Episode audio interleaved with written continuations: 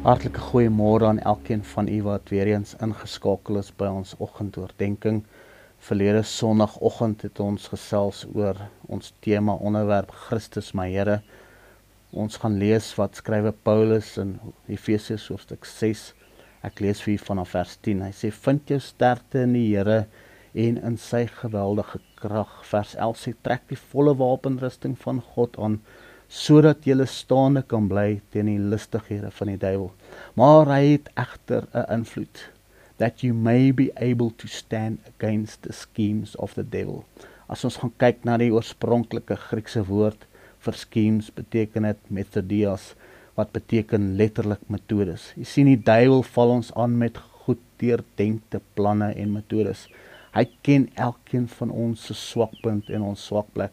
Die apostel Paulus skryf aan die Korintiërs in die tweede boek, die hoofstuk 2 vers 11. Hy sê die bedoeling is dat ons nie deur Satan uitoorlê sal word nie, want sy planne is mos nie aan ons onbekend nie. U sien ek en u is bekend met die planne van die vyand. Sy planne is nie net toevallig nie. Hy werk met 'n deurwerkte beplande strategie. Maar hier is goeie nuus.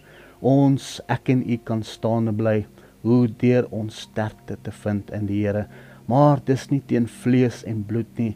Jy sien ek en nie veg nie teen ander mense nie. Ek en nie beklei nie teen ons vrou of ons huisgesin nie. Ons beklei nie teen ons baas nie. Ek en nie beklei nie teen ander ras of kultuurgroepe nie.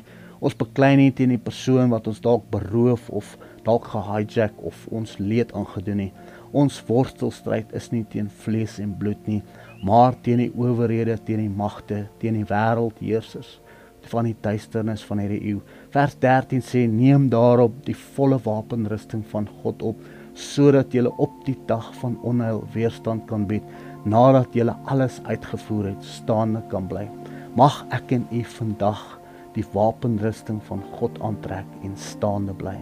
Groetnis tot 'n volgende keer.